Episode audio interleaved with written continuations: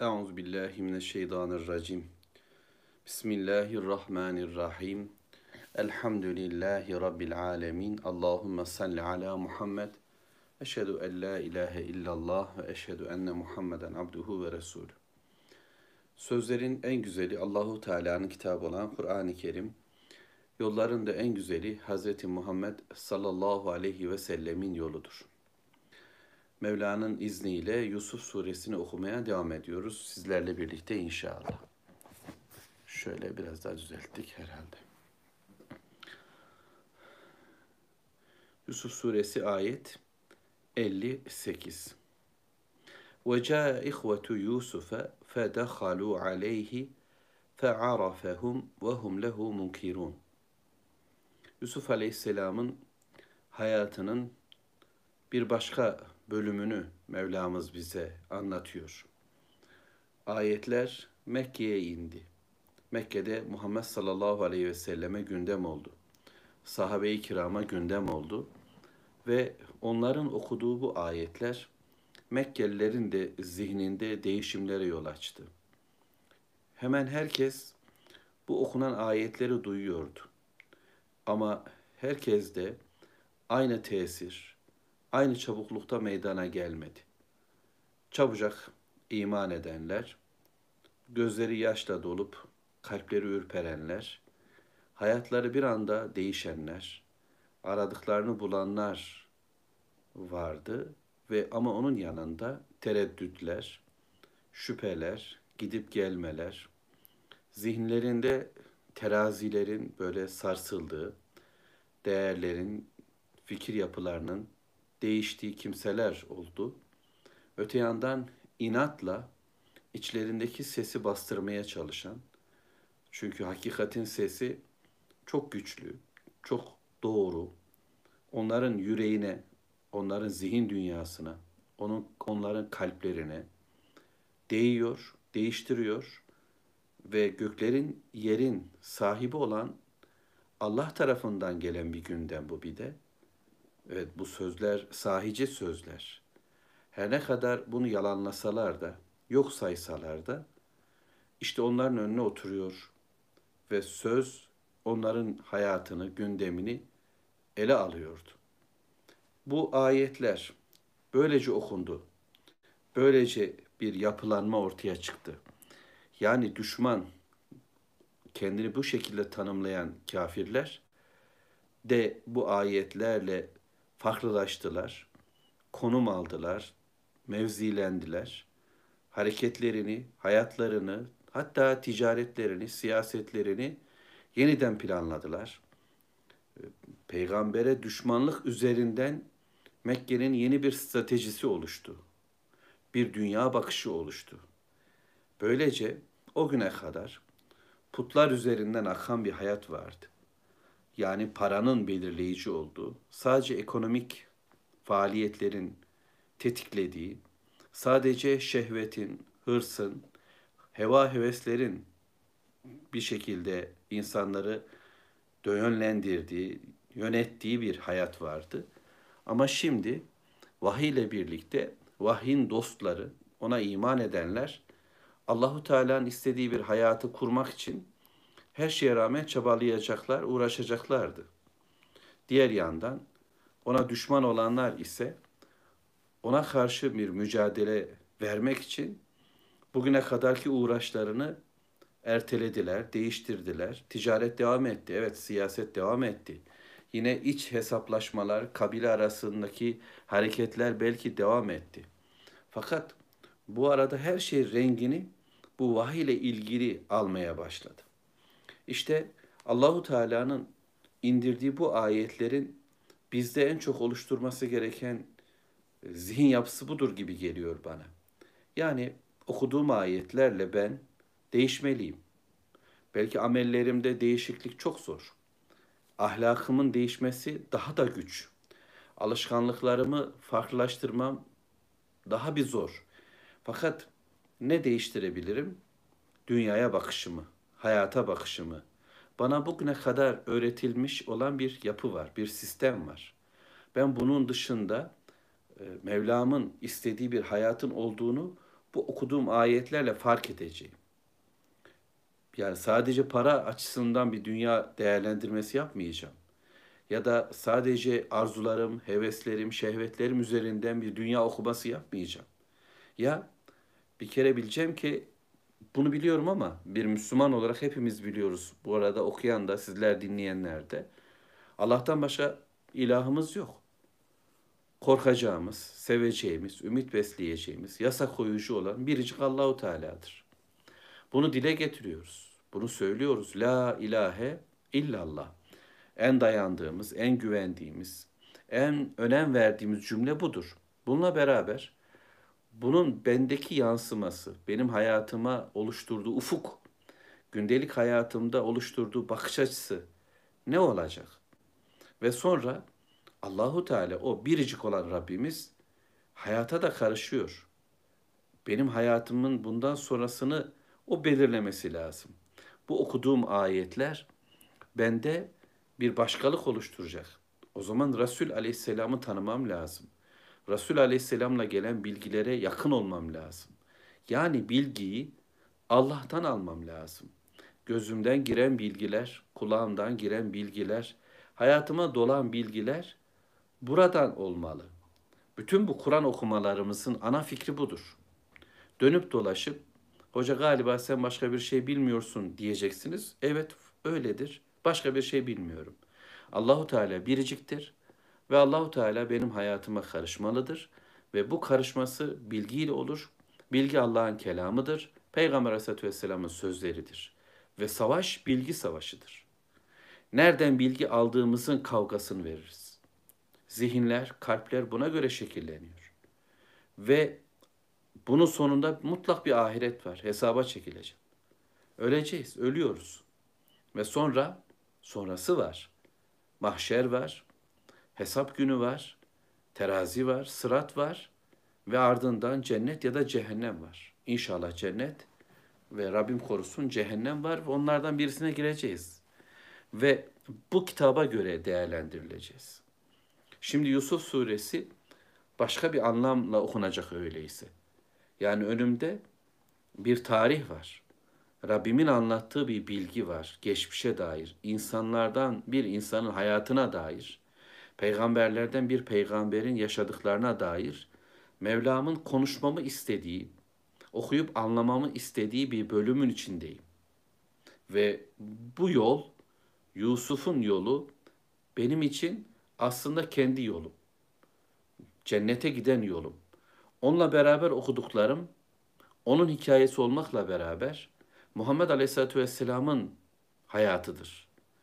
Ve onun hayatı olmakla beraber Efendimizin bu benim olması gereken hayatımdır. Burada bir rolüm var benim.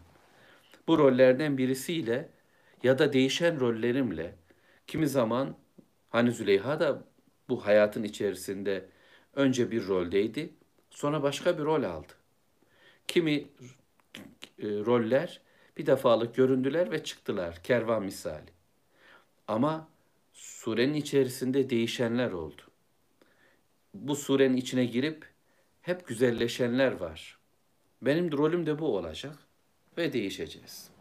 Şimdi surenin başında kardeşlerin kıssasıydı. Nitekim Allahu Teala hatırlayalım en başta ne demişti? Hemen surenin başında 7. ayet miydi? Oraya doğru gidelim inşallah. Diyordu ki Rabbimiz لَقَدْ كَانَ ف۪ي يُوسُفَ وَاِخْوَتِهِ آيَاتٌ لِلسَّائِلِينَ Yusuf ve kardeşlerin kıssasında, Yusuf ve kardeşleri konusunda ayatun ayetler vardır, belgeler, işaretler vardır. Lissailin, soru soranlar için ya da isteyenler için, anlama çabasında olanlar için, bunu mesele edenler için bu kıssada, bu anlatımda Rabbimizin anlatacağı kardeşler ve Yusuf kıssasında ayet var, belgeler var, yol işaretleri var.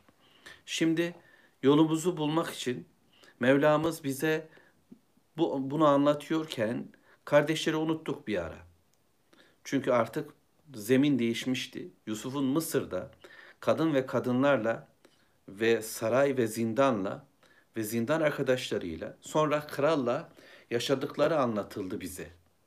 Ve rüyalar, geçti ve bu rüyaların ardından ilk rüyanın gerçekleşmesi için Mevlamızın önümüze getirdiği bilgiler var şimdi. Kardeşler yeniden gündemde. Ocae ihvetu Yusuf. Yusuf'un kardeşleri geldi. Neden geldiler? Biliyorsunuz Mısır kıtlıkla kıvranıyor ama Allahu Teala Yusuf'u gönderdi Mısır'a ve o rüyayı yorumladı. Bu rüya Mısır'ın geleceğinin rüyasıydı.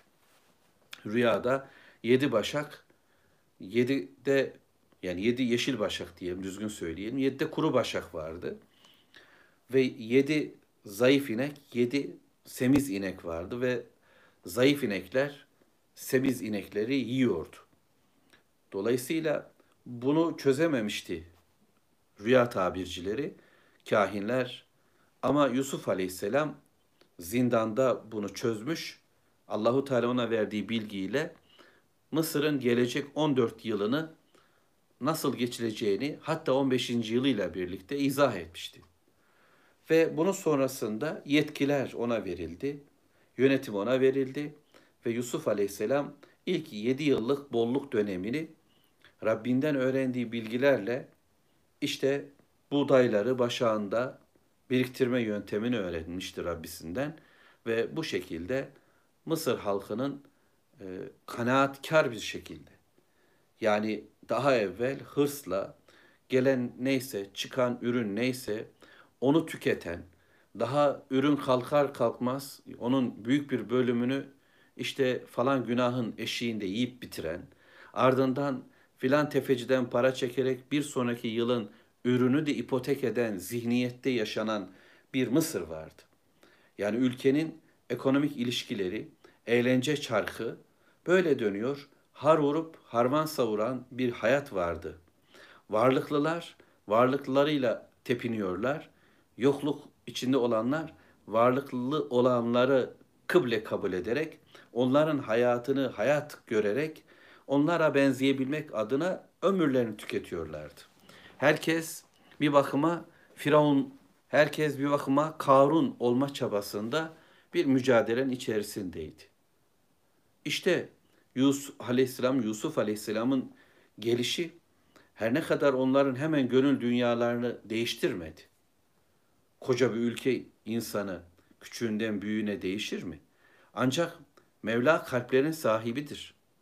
Yürekler Allahu Teala'nın elinde. Toplum tamamen hidayet bulamasa bile bu toplum Yusuf Aleyhisselam'ın onlar için bir hayır adamı olduğuna ikna oldu. Bunun sebeplerini daha evvel konuştuk.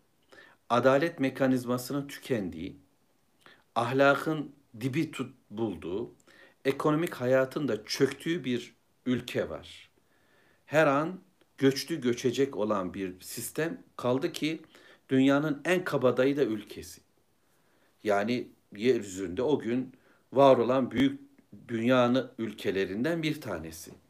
Şimdi bu kadar görkemli fakat içi bu kadar kof olan bir hayatı içeride yaşayan insanlar hissediyorlar. Derdi biliyor ama kimse çözüm üretecek güçte değil. İşte Yusuf Aleyhisselam'ın ortaya koy verdiği o durum, o ahlaki tavır, o iffetli duruş herkesin gözüne kulağına değdi. Ve ikna oldu kalpler. Ve Yusuf Aleyhisselam dedi ki az yiyeceğiz ve çok biriktireceğiz. Sizden istenen şey budur ve bundan sonrası için bunları biriktirmemiz gerekiyor. İkna oldular. Büyük bölümü. Olmayanlar olmuştur herhalde. Ve sonrasında Yusuf Aleyhisselam'la birlikte yaşanan 14 yılın ilk 7 yılında bolluk tamamlandı ve kıtlık başladı. Kıtlık sadece Mısır için başlamadı biliyorsunuz. Ya civar ülkeler için de başladı Allahu alem. Yani biz en azından Kenan diyarı için de kıtlık olduğunu biliyoruz. Ve onların başında Yakup gibi bir peygamber olmasına rağmen Yakup Aleyhisselam bu gelecek bilgiyle donatılmadı. Dolayısıyla şunu anlıyoruz ki Allahu Teala dilediğine dilediğini öğretir. Kimilerine öğrettiğini kimilerine öğretmez. Babaya öğrettiğini oğula, oğula öğrettiğini babaya öğretmez. işte Davud ve işte Süleyman Aleyhisselamlar. Allahu Teala bilgiyi bu şekilde veriyor. Bana niye vermiyorsun denilmez. Yakup Aleyhisselam o benim oğlum. Yani Yusuf'a verilen bilgi neden bana verilmiyor demedi. Bilakis Yusuf'a olan tüm gurbeti belki kendisinden daha yüce olan bir peygambere olan hicranıdır. Bu bakımdan Yakup peygamber olayı yani gelecek günler adına Rabbi ona bir şey söylemeyince söyleyecek bir cümlesi yok. Geleceği bilen Allah'tır. Haberler ancak Allah'tandır.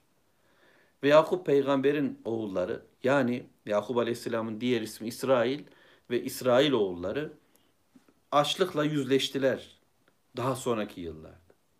Ve ardından belki de Yakup peygamberin onları yönlendirmesiyle Mısır'da böyle bir e, güzel adamın Mısır'ı buğdayını karşıladığını ve civardan gelen komşulara da e, yine para karşılığında buğday verdiğini duydular, öğrendiler ve Mısır'a geldiler. O bölümleri bilmiyoruz. Mevlamız oraları bize söylemiyor. Fakat şunu görüyoruz bu ayette. Ayet 57'de 58'de. Vaca ihvetun. Yusuf. Yusuf'un kardeşleri geldi. Fedakalu aleyh. Onun yanına girdiler. Yusuf Aleyhisselam'ın yanına vardılar. Fe'arafehum. Yusuf Aleyhisselam onları tanıdı. Hum lehu munkirun. Fakat onlar Yusuf'u tanımadılar. Nasıl tanıyacaklar ki? Yusuf Aleyhisselam'ı kuyuya bıraktıklarında Yusuf Aleyhisselam yaşının 10-12 olduğunu düşünebiliyoruz. Daha yani tüyü sakalı bitmemiş bir çocuk. Ve sonra şimdi karşılarında yaklaşık 30 yıl belki daha fazla bir adam var ve hem de Mısır'ın en üst seviyesinde birisi var. Mısır azizi olarak, Mısır'ın lideri olarak oturuyor karşılarında. Ve onlar ise Yusuf Aleyhisselam'ı kuyuya bıraktıklarında 20'li yaşlardaki bir grup delikanlı hemen hemen e, yapıları, vücut yapıları tamamlanmış. Dolayısıyla elbet değişim onlarda da var. Sakalları beyazlamış, saçları beyazlamış, vücutları gevşemiş. Ama e, sima hemen hemen anlaşılacak durumda. Bir çocuğu simasında e, gençlik döneminde büyük değişimler olur. Ama gençliğin sonunda orta yaşlılığın başında olan bir delikanlı da ise artık değişim durmaktadır. Fazla olmaz.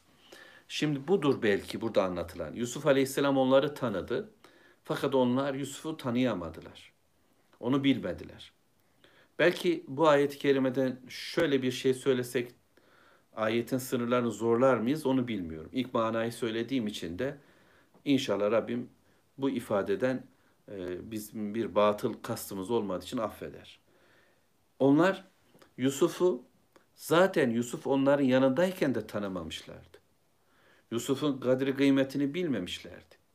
Ellerinin altında bir peygamber var. Değerli bir kardeş var. Peygamber de demeyelim. Bir kardeş var. Tertemiz bir kardeş var. Küçücük bir öksüz var. Fakat onlar onu tanımadılar, onu bilmediler. Ona hoyrat davrandılar. Onun kadri kıymetini anlamadılar. Bir kardeş olarak bile değer vermediler. Kaldı ki bu çok değerli bir mücevherdi.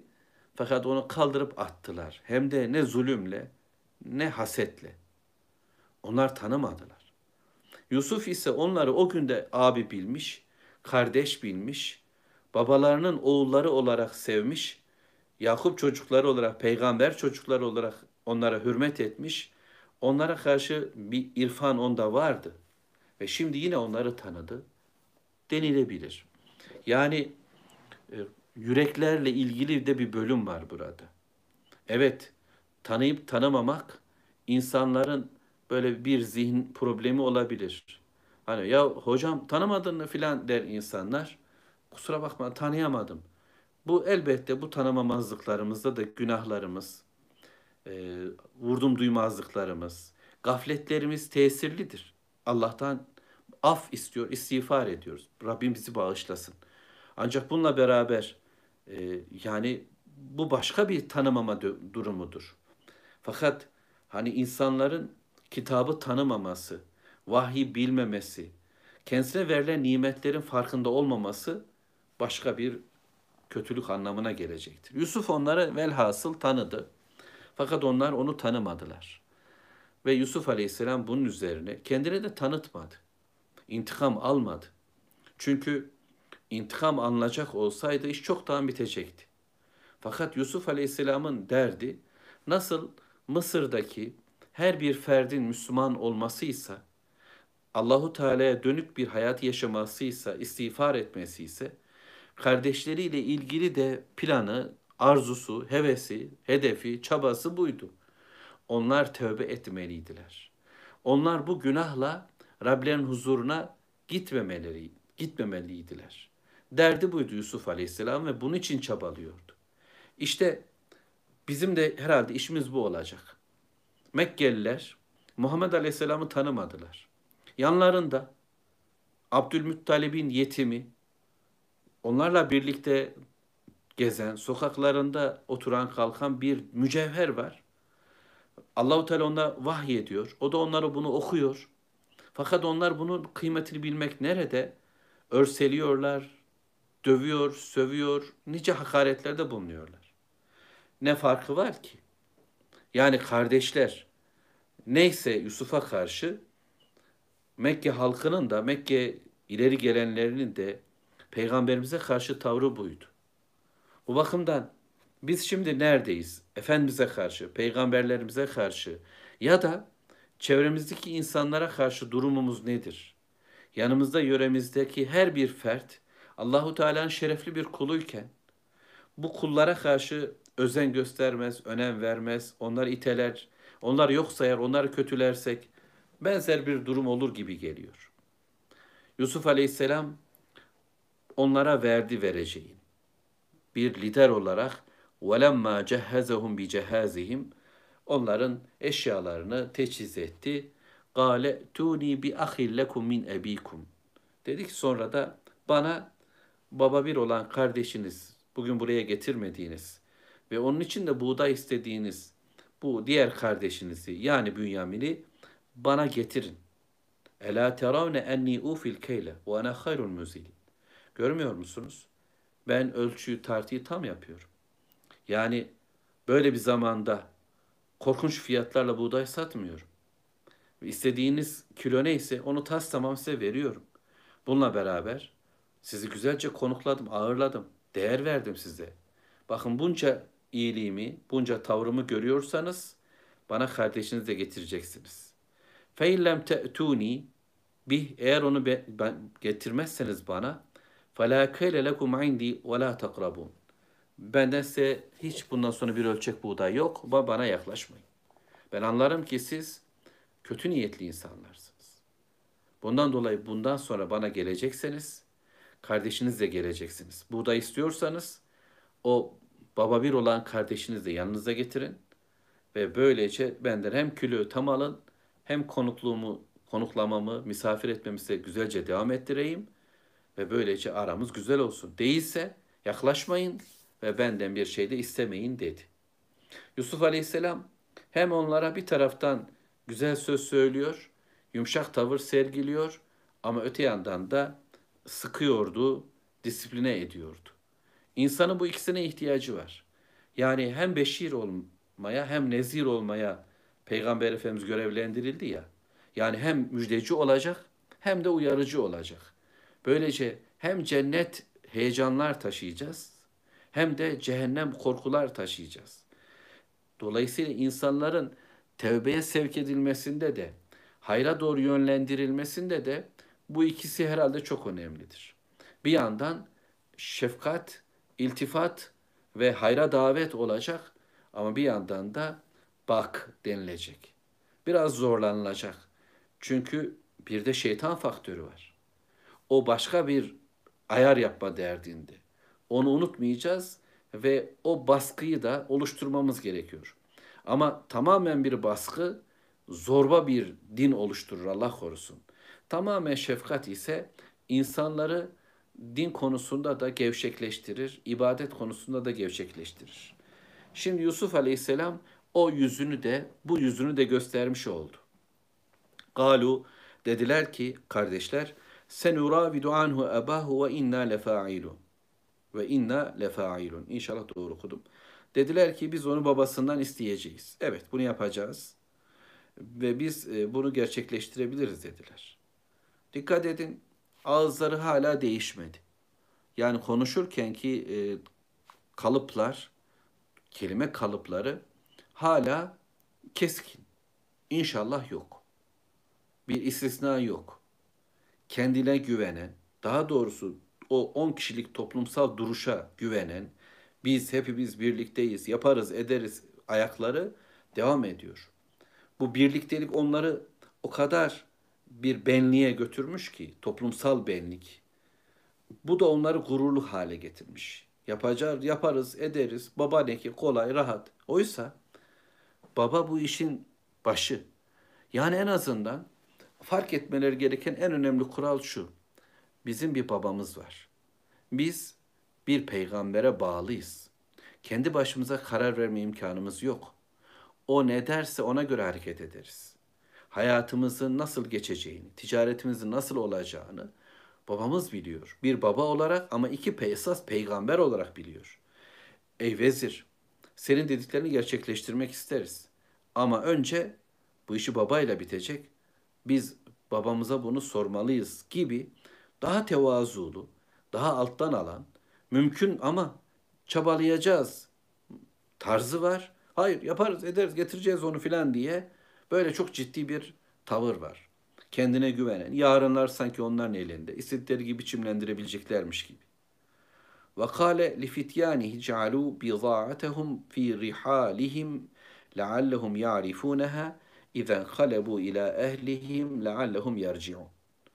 Bunun üzerine Yusuf aleyhissalatü vesselam delikanlılarından birisine görevlendirdiği birisine dedi ki bunların eşyaların arasına bu kervanla geldikleri yüklerinin teçhiz edilmiş olan buğdayların arasına onların getirdiği parayı, sermayeyi yeniden bırak.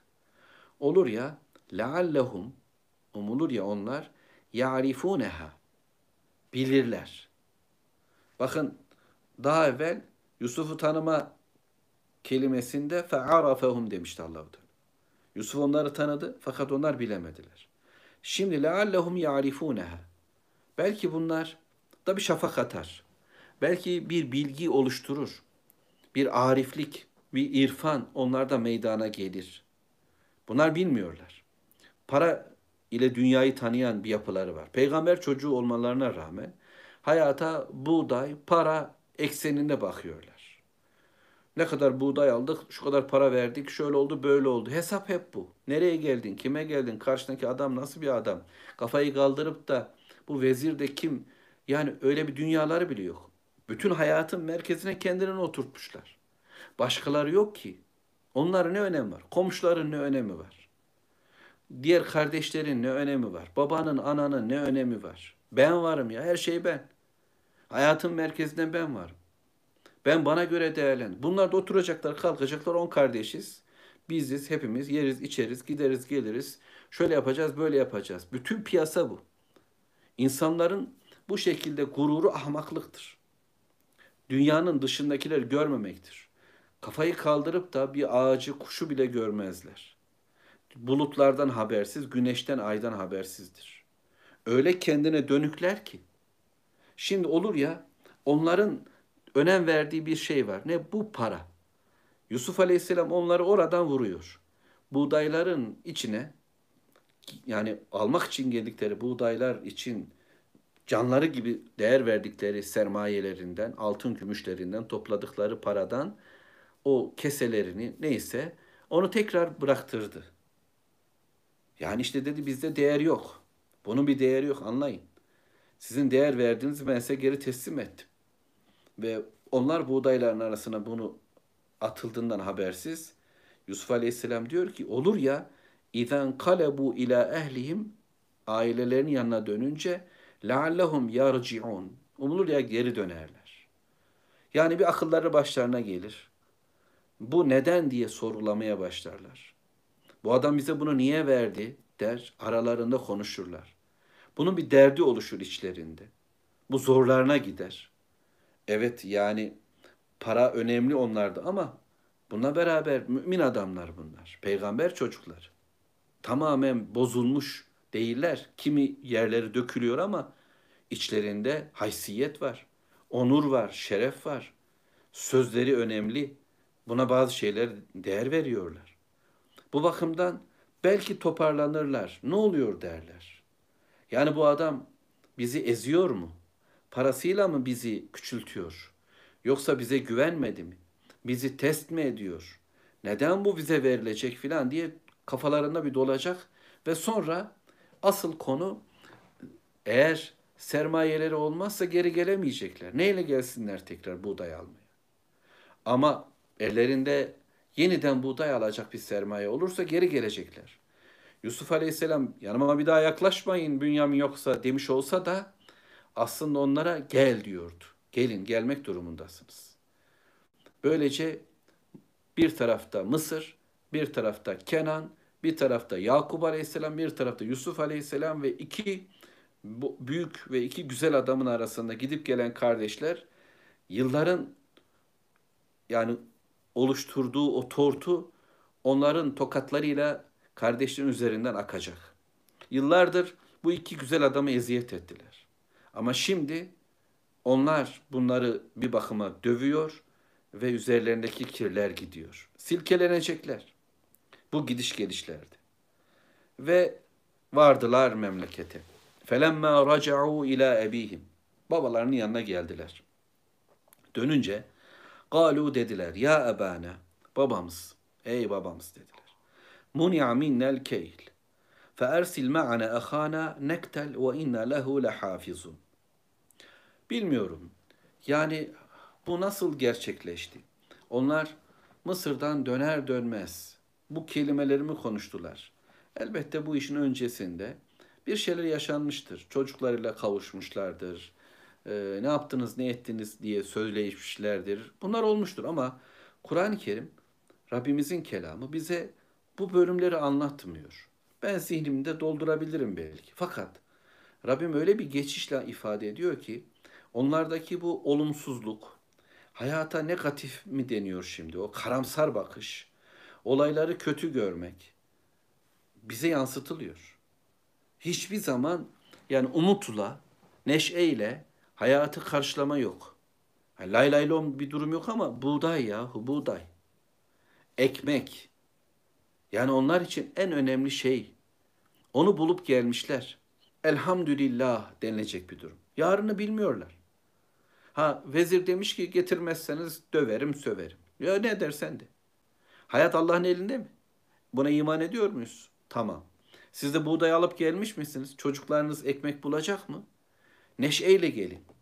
Bu eve girerken yüzünüz gülerek girsin. Ama adam eve girerken böyle suratı mahkeme duvarı gibi derler ya öyle giriyor.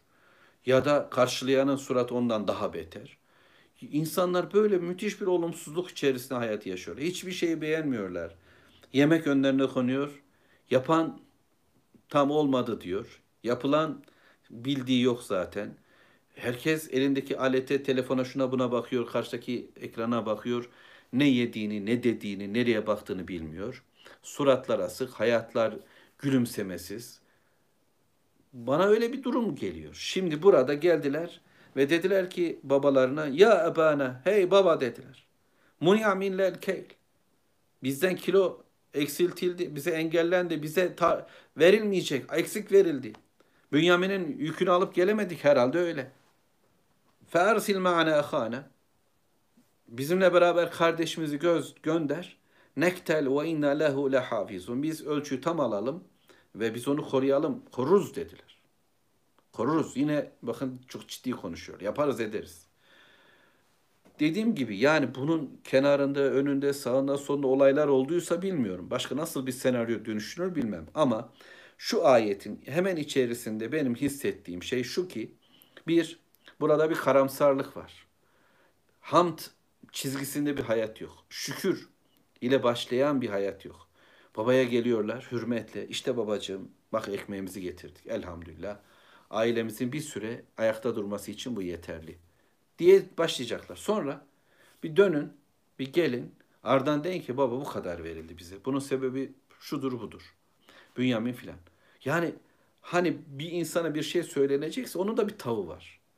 Daha böyle alnının ortasından lafı dayamak böyle. Bize buğday verilmeyecek. Bu iş bitti burada. Yazık bize filan.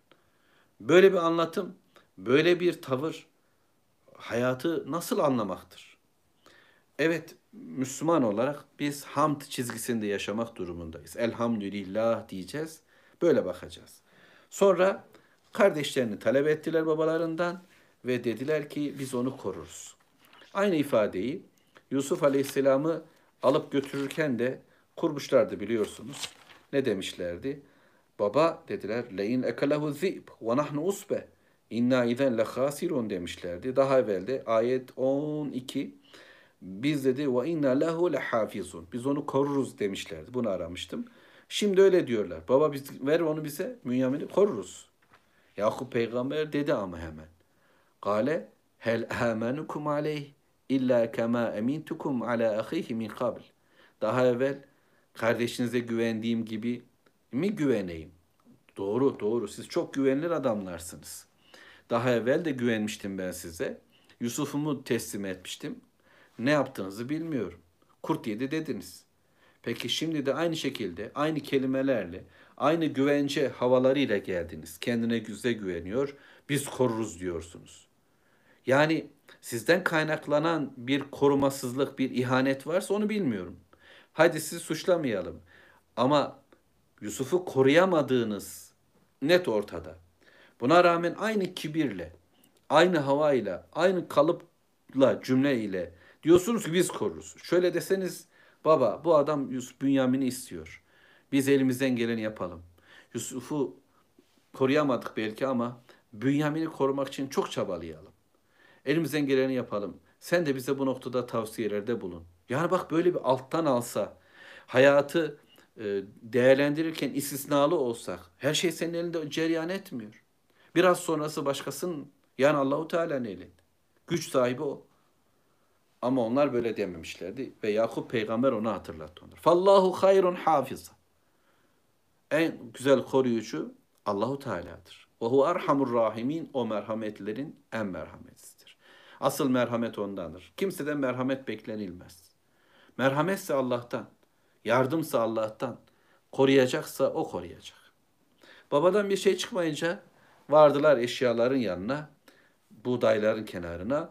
وَلَمَّا فَتَحُوا مَتَاعَهُمْ Buğdayları açtılar, yüklerini açtılar. Bir baktılar ki vecedu bizaatehum ruddet ileyhim.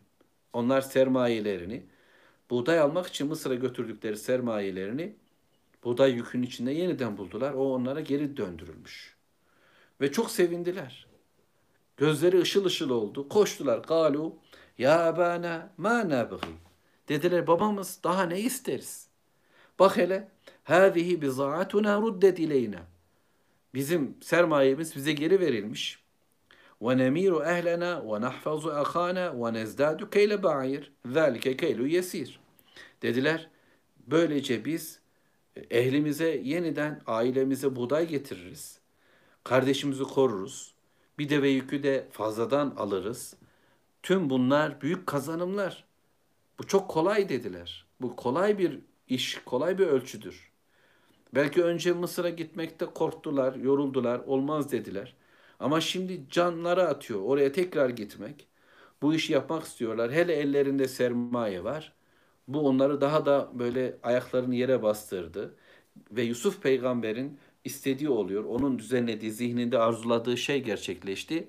Geriye döndürmek istemişti onları ve geriye dönüyorlar. Babalarına bunu söylediler. Yakup peygamber Yusuf'u da mecbur kalmıştı. Önce olmaz, onun gitmesi beni üzer, hem belki onu kurt yer filan demişti. Ama sonunda aldılar. Çünkü gidecek. Şimdi Bünyamin hakkında da hayır dedi, onu vermem. Daha evvel Yusuf'a yaptığınızı yaparsınız siz. Fakat şimdi iş öyle bir noktaya geldi ki torunları, çoluk çocukları açlıkla karşı karşıya ve karşısında şu anda çok haklı nedenlerle baba Bünyamin'i götürmek durumundayız. Bak paramız da var diyen oğulları var. ve dedi ki Gale len ursilehu ma'akum hatta tu'tuni mevsikan min Allah. Siz bana Allah'tan bir söz, keskin bir söz, sağlam bir söz vermedikçe ben dedi onu sizinle beraber göndermeyeceğim. Tek bir şartla onu gönderirim. Siz yemin edeceksiniz. Allahu Teala'ya kuvvetle söz vereceksiniz. Allah adına yemin edeceksiniz. Lete'tunneni bihi illa en yuhata bikum. Kuşatılmadıkça onu bana getirmek üzere kesin söz. Yani canınız pahasına onu koruyacağınıza bana söz vermedikçe ben onu sizinle beraber göndermem dedi. Hemen felemma atevhu mevsikahum yeminler ediverdiler. Kolaydır. Yani bu tür zaten kendine güvenen kimseler, hemen bir şeyin olmasını isteyen kimseler olayın ardını, önünü bununla beraber, bu yeminle beraber gelen yükü çok da düşünmeden vallahi billahi verirler. Yemin de ediverdiler. Yemin ettiler.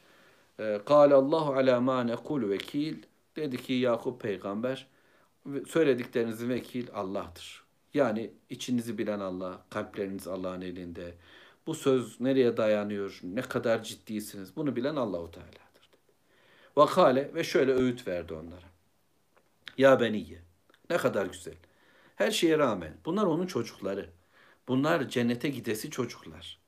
Bunlar örselenecek, itelenecek kimseler değil ki. Hakaret edeceksin. Bağırıp çağıracaksın. Kötü söz üzerine yağdıracaksın. Yahu bu çocukları sana Allah sövesin diye mi verdi? Dövesin diye mi verdi? Aşağılayasın diye mi verdi? Yazıklar olsun.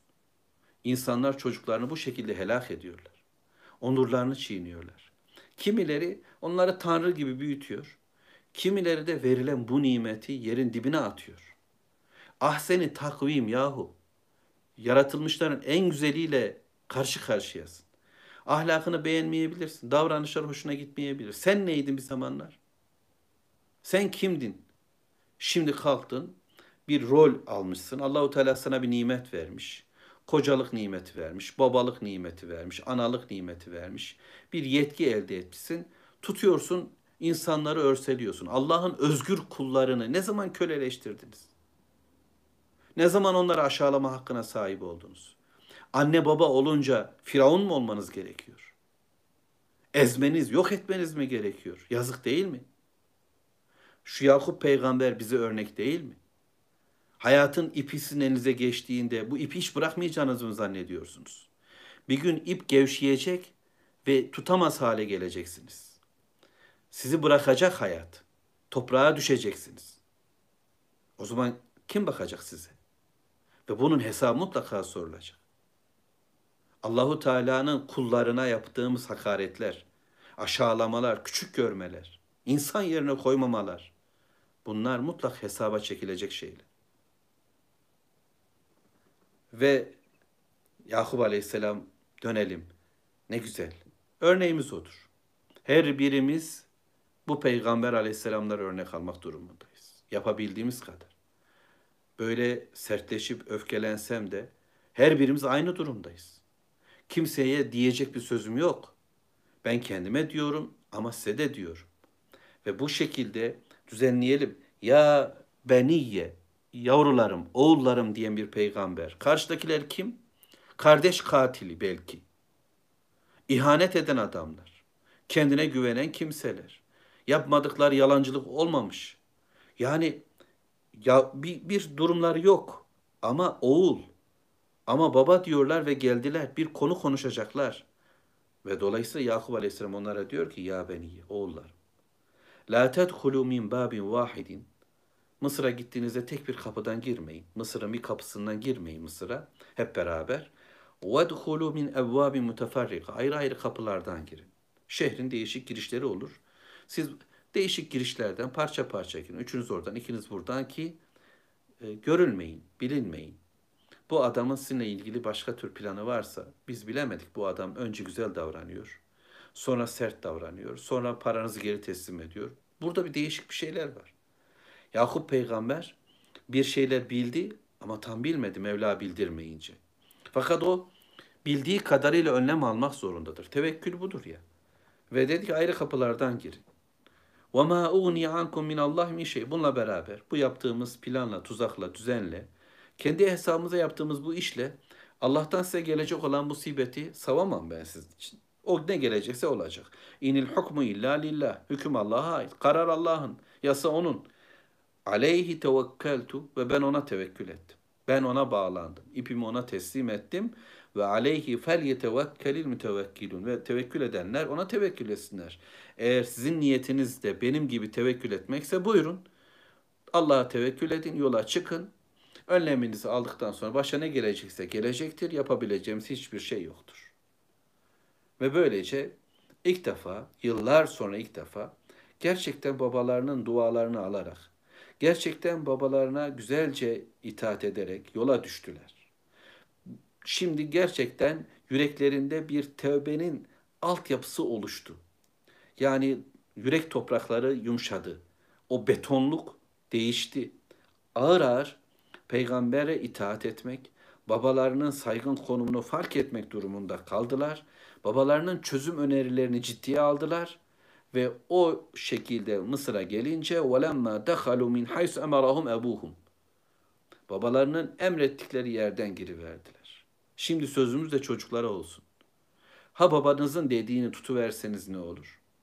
Yani Allahu Teala'nın yasasının dışında değilse, yani Allah'a isyan değilse, ha onun dediği yoldan gitseniz, onun dediği gibi olsanız, bir süre ona sabretseniz neyi kaybedersiniz? Çok aşırı yaşı, yanlışı emretmedikten sonra, namaz kılmayın demedikten sonra, şu günah işleyin demedikten sonra onun tercihleri A yolundan değil de B yolundan gidiverin. Ya bizim ihtiyar da şaşkın. Şehre ayrı ayrı kapılardan mı girilir? Adamlar bizi zaten bulur bilir filan. Demediler. Dememiş olmalar lazım ki babalarının emrettiği yerden girdiler diyor allah Teala. Sözü dinlediler. Bu onların kulluk levhalarına mı diyelim hayır olarak yazıldı. Ve bu haseneleri, bu iyi tavırları bir sonraki iyi tavırı çağrıştıracak inşallah. Nasıl ki bir kötülük bir kötülüğü oluşturuyorsa, bir kir, yürek kiri bir başka kiri getiriyorsa, bir iyilik de bir başka iyiliği getirecek Allah'ın izniyle. Ma kana yugni anhu min Allah min şey illa haceten fi nefsi Yakube qadaha. Onlar bunu yapmakla Allahu Teala'dan başlarına gelecek olan hiçbir şeyi savacak değildiler. Yani başlara gelecek bir bela bu önlemle ortadan kalkacak değildi ama Yakup Aleyhisselam kendi iç dünyasında gizlediği bir şey var. O gerçekleşmiş olacaktı. Rabbimizin onun içine verdiği bir bilgi var. Yusuf ölmedi. Bunu biliyor. Ve Mısır'da ya da o taraflarda bir yerde Yusuf'u. Ve Yusuf Aleyhisselam'ın oralarda oluş bilgisi içinde tutan Yakup Aleyhisselam belki de oğullarının ayrı kapılardan girerek Yusuf'u belki görmesi görme ihtimallerini değerlendirdi diyor tefsirler. Yani içindeki hacet buydu. Ya da ya da nazardan koruyayım oğullarımı diye. Çünkü 10 tane civan gibi 11 tane düzeltiyorum. Delikanlı. Ya da çete gibi görürler de, de cezalandırırlar gibi bir şeyler olabilir. Bir önlem aldı. Ve innehu lezu ilmin lima allemnahu. O ilim sahibi birisiydi ve biz diyor Allah Teala ona bu ilmi verdik. İlim ancak Allah'tan gelen bilgidir. Allahu Teala'nın kendisini ilimle donattığı birisiydi e, bu ilim üzere hareket ediyordu. Bu ilim onu tevekküle götürmüştü. Allahu Teala'yı vekil kabul etmeye, hayatın sahibinin Allah olduğunu bilmeye onu götürmüştü. Velakin ekseren nas la ya'lemun. Fakat insanların çoğu bilmiyorlar. İnsanların çoğu bundan haberdar değiller. Yani önlerindeki peygamber biliyor ve bu bilgi Allah'tan geliyor. İnsanlar ise laboratuvarlarında aldıkları bilgilerle, tecrübeleri, ben babamdan çok duydum, atalarımız böyle konuşmuş, bu toplumsal bir gerçekliktir filan gibi böylesi bilgilerle kendilerini çok donanımlı zannediyor insanlar. Senin bilgin hiçbir şey ifade etmiyor. Asıl bilgi Allah'tan bize gelen bilgidir. Ne varsa bizde, dilimizde, zihnimizde şu Mevlamızın bize öğrettikleridir. Yakup Aleyhisselam da bu bilgiyle çözüm aradı. Bu bilgiyle Rabbine yalvarıyor. Bu bilgiyle hayatı değerlendiriyor ve oğullarına da bunu öğretiyordu.